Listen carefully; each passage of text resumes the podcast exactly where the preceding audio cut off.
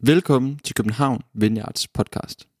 Vi er glade for, at du lytter med, og vi håber, at du vil blive inspireret, opmuntret og udfordret i din tro og dit liv, hvor du end er. God fornøjelse. My name is Ben. Uh, I'm a part of the church here and have been for many years. And it's a, it's a real treat whenever I get the opportunity to, to speak here. So it's a real privilege. And um, great to see so many people showing up, especially those who are at camp all week, because I know that your batteries must be pretty flat.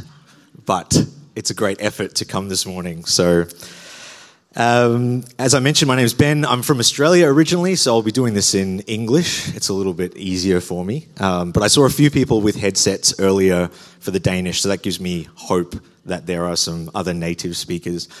And hopefully, you can understand my Australian accent. Um, Today's message is from Matthew 18. So we have it on the screen. If you have your Bible with you or your Bible app, you can feel free to turn there with me.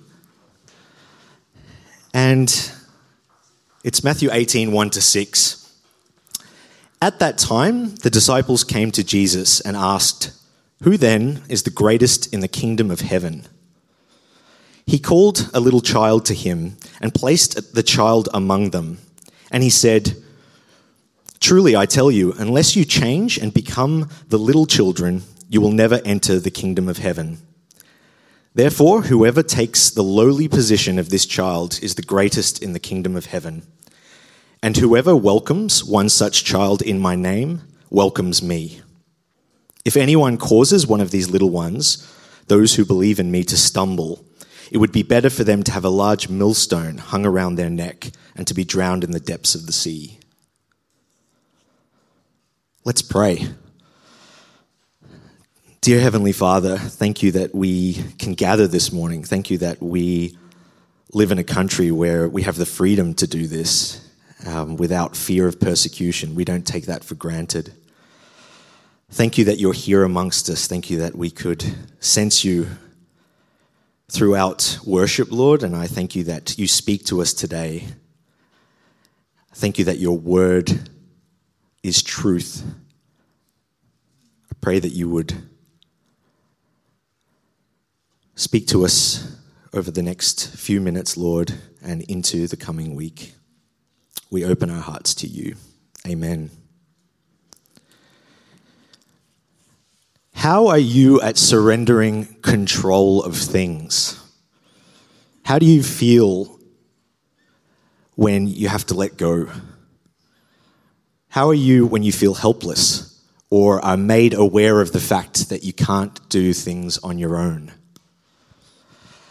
At the end of last year, just before Christmas, I was riding my bike down Gothersgade just along Kongens Have for those locals that know where that is. And it was a sunny Saturday afternoon in December, and I clearly remember I was riding back home from having coffee with a friend in town, and my head was full of things that I needed to do. I don't know whether you can relate to this, but that checklist that's just rolling over when you have time to think and I was like, okay, I need to go buy groceries and then I need to cook dinner tonight before going to this friend's birthday. Oh, and I need to reply to that email. And so I was running through this list and then boom, it happened. Someone opened a car door on me and uh, my bike stopped and I kept going.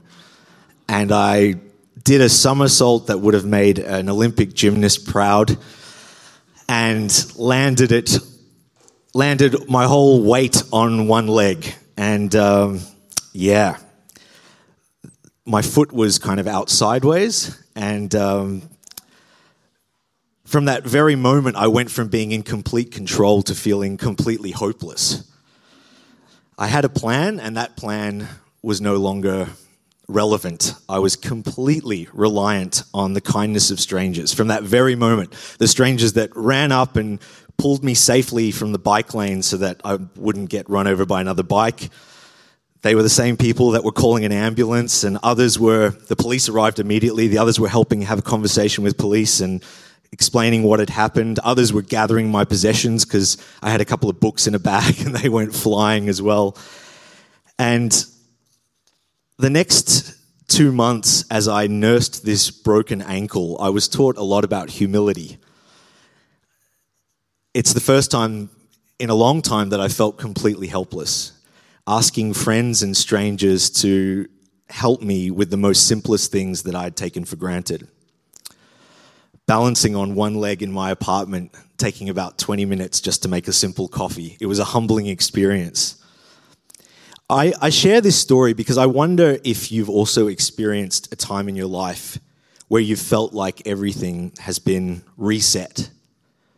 You thought you had everything under control, and suddenly you felt helpless or experienced humility.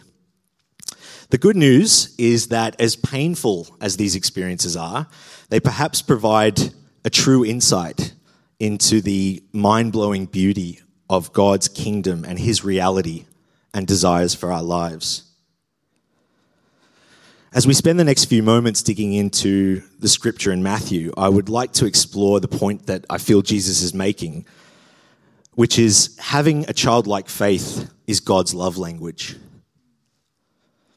The passage starts with the disciples jostling for position, asking Jesus, Who's the greatest among them? And Jesus is addressing this as an ongoing theme with the disciples. We read in Mark chapter 9 and Luke chapter 9 similar stories where they're having full blown arguments about who is greater.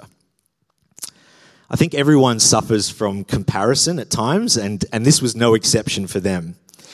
It's also interesting to note that this question comes directly after Jesus had already told the disciples twice about the suffering and death that was awaiting him in Jerusalem in Matthew 16 and 17.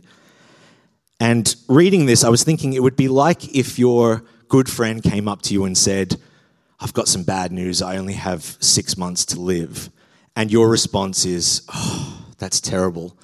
Can I have your bike when you're gone? So they're not exactly seeing the bigger picture. Um, but I think we can relate to the fact that Jesus' disciples are distracted by their own insecurities and need for validation. In terms of context, the idea of this future kingdom, their idea of it and Jesus' idea of the future kingdom were very, very different. The disciples believed that Jesus would restore the nation of Israel as prominent amongst other nations, that they would no longer be ruled by the Romans, and that they would finally have power again. So you can understand their concern was of a practical nature. Where is my territory going to be? Who will I be in charge of? What's my share? All of this selfishly driven thinking, and Jesus, on the other hand, has a completely different kingdom in mind. He was thinking of a spiritual kingdom, of those who were saved from sin through faith in Jesus. It was for all people, not just the people of Israel and it was to develop over time as God, through the preaching of the gospel and the power of the Holy Spirit, would bring individuals to faith. So Jesus turns the table on their question, which he did so often. He turned a question about who of the disciples would be the greatest in the kingdom to a thinking of who of the disciples would be worthy to enter the kingdom at all. So he continues in verse 2. He called a little child to him and placed the child among them. And he said, Truly I tell you, unless you change and become like little children, you will never enter the kingdom of heaven. Therefore, whoever takes the lowly position of this child is the greatest in the kingdom of heaven. So, what does it mean to become like little children, to have a childlike faith? I've been wrestling over this concept for the last couple of months in my quiet time and in conversations with friends. And I think there are a couple of key characteristics unique to children that Jesus is really wanting to emphasize as he reveals how having a childlike faith is God's love language. But before we go any further, I think it's really important to highlight that this whole example that Jesus is putting forward as a model for bringing forth his kingdom, seeing his will done on earth, this only works with one key ingredient that is, if we understand and accept the perfect nature of our Heavenly Father. I'm quite fascinated and have been for some time about how our human condition leads us to seem to forget things all the time. I don't know if you can relate to that, but I feel like it's so quickly that I forget and I underestimate the character of God. Can you relate to this? Perhaps you've had a dramatic encounter with the Holy Spirit or felt the closeness of the Father whilst reading Scripture, or felt Him even present through the kindness of a stranger or a friend in your life at a critical moment. Yet, months, weeks, or even days later, we forget about it. But I think it's really important that in order for us to fulfill this call from Jesus to be childlike, we need to better understand and remind ourselves of the true nature of God as the ultimate Father. Empathetic, faithful, steady, protective, generous, listening, and attentive, unconditional in his love for us. This relationship only works if we can trust that our Heavenly Father knows best and wants the best for his children. Through no fault of our own, I think many of us have a distorted view of what a father is. Um, it might be your own experience with your parents where you've been disappointed, hurt, abandoned, or felt even betrayed. It's absolutely understandable that we all have scars when we think of what that relationship looks like. I think most of us can agree that our parents, despite their absolute best intentions, have fallen short at times. We're all human after all. But as James stated, oh sorry, as it was stated in James 1:17, every good and perfect gift from above, sorry, every perfect and good gift is from above, coming down from the Father of the heavenly lights, who does not change like shifting shadows. So, in understanding the true nature of God as our Father, we can begin to adjust our posture to be childlike, knowing that His one desire is to be in relationship with us. And there are two elements of this childlike posture that I want to highlight. Firstly, if having a childlike faith is God's love language, then we need to learn to be fully dependent on God. If you observe small children, you'll quickly notice that they are 100% dependent upon their parents. They innately trust their parents to meet their needs. Children, of course, cannot provide their own food, clothing, and shelter. We would never expect that of them. So they rely on their parents for these things. Children haven't yet lost their ability to trust. They have no reason to be suspicious.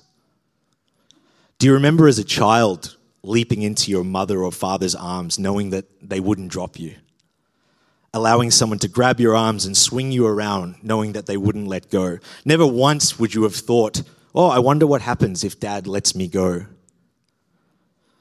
Just as a small child is fully dependent on our parents, on their parents, so our heavenly Father wants us to be 100% reliant upon him and acknowledging that we are helpless and truly need Him in order to make sense of our lives brings about true humility. In Ephesians, Paul writes, For it is by grace you have been saved through faith. And this is not from yourselves, it is the gift, it is the gift of God, not by works, so that no one can boast. Turning our attention back to the passage in Matthew, Jesus even gets more specific when we get to verse 4. He's not saying that we should be naive or simplistic in our thinking, but it's about taking the lowly position of this child. The humility of mind, not childish thoughts or behaviors. And I think it's important to make that distinction. The point he was driving home is that children are powerless and humble, humble by nature. What do we need to mimic here? The fact that they know they need help. Childlike humility is knowing how much you need God. Children have no problem calling out their parents' name a hundred times a day. How often do you feel like you lapse back into wanting to do everything in your own strength? I know I do. It's so natural in today's society to be consumed by just wanting to achieve, wanting to be the best employee, the best partner, the best parent. We are so easily seduced by the world's definition of greatness. But it's funny how this also tends to affect our understanding of faith sacrifice, honor, morality, ethics, constant improvement. oh, I wish I was as humble as Fleming or as disciplined as Anna. None of these things are necessarily bad to strive towards, but Jesus sets this all in perspective by introducing the idea of a childlike heart. The need to take a deep breath and essentially say, I need help and I can't do this alone. This posture of surrender is all he's asking for. It's as easy and as hard as that. Secondly, if we're to adopt a childlike posture, then it's important that we rediscover wonder and awe. Children have this incredible ability to explore and be curious. It's fantastic to see children as they discover beauties of the world. Have you ever seen a child go to the zoo and discover new animals or sunsets, night skies? It's incredible to watch. And as grown ups, many of us often miss these exciting wonders. I was recently back in Australia and I was looking through old photographs. And I saw a picture of my sister and I when we were very young, sitting on a bobsled in the backyard where we lived in New York, uh, about to go down the little hill in our backyard as it snowed. And it was amazing because it was, I was probably about four years old, my sister was about six, and we just had these expressions of disbelief these two Aussie kids who'd never seen snow before, so excited just to go down the sled. Unfortunately, we had some blackberry bushes in the, and we got hurt, but it was fine. It was fine. No permanent scarring. Um, but fast forward to my time here in Denmark, and I associate snow with this feeling of, oh, I'm going to have to wait for the bike lanes to get cleared. I'm going to have to shovel it off my balcony. And it's funny what a contrast that is. It's exactly the same thing. And I think just like children experiencing things for the first time, Jesus is also encouraging us to appreciate his character and the beauty of his creation afresh and anew. Closely linked to this sense of wonder is the ability for children to stay curious.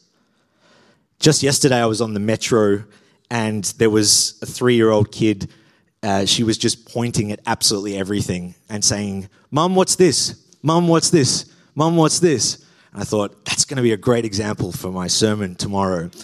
And then I went to the bakery this morning and there was another three year old kid and he was saying in the bakery, What's this? And the mum's going, A loaf of bread. What's this? Another loaf of bread. What's this? Another I was like, Wow, I'm looking forward to parenting.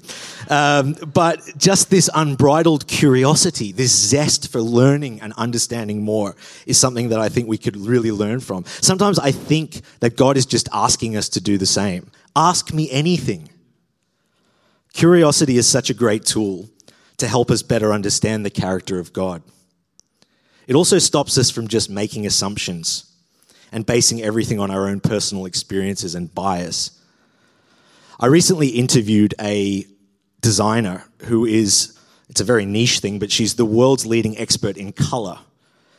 So she's a consultant to everyone from fashion to interior to artists about what color combinations they should use and what colors work in different environments.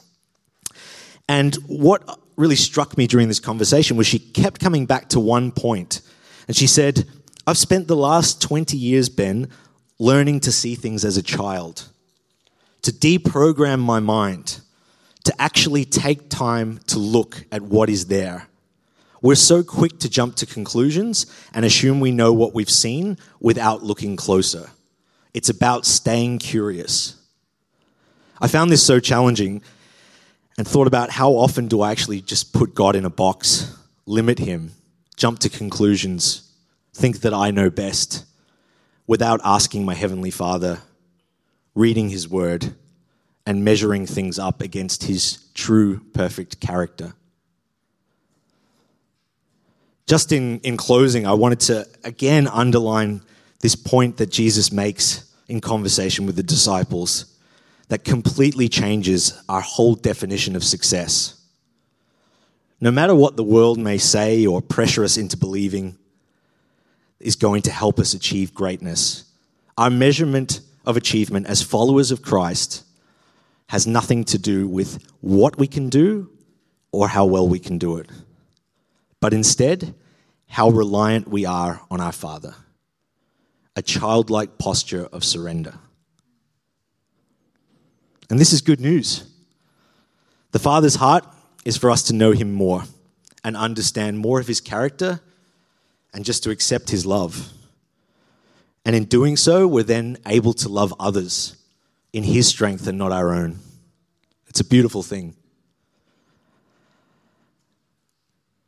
So, as I was preparing for the sermon, I just had a real sense that we should be challenged and encouraged to take on this childlike posture.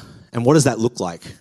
Well, I think the dependence on the Father can look like asking Him, talking to Him, prayer, and prayer in the most informal of manners, as a child would ask their own parent. And spending time to read His Word, because it's through His Word that we understand ultimately the true character of our Father. Read Scripture with curiosity, with a curious heart, anticipating that you'll learn new things. Having a childlike faith is God's love language. Tak fordi du lyttede med. Vi håber, du går herfra med fred i hjertet og mod på mere. Du kan finde mere fra København Vineyard på Facebook, Instagram og vores hjemmeside. Du skal vide, at du altid er velkommen i vores kirke på Nyvej 7. Vi håber, at du får en god dag.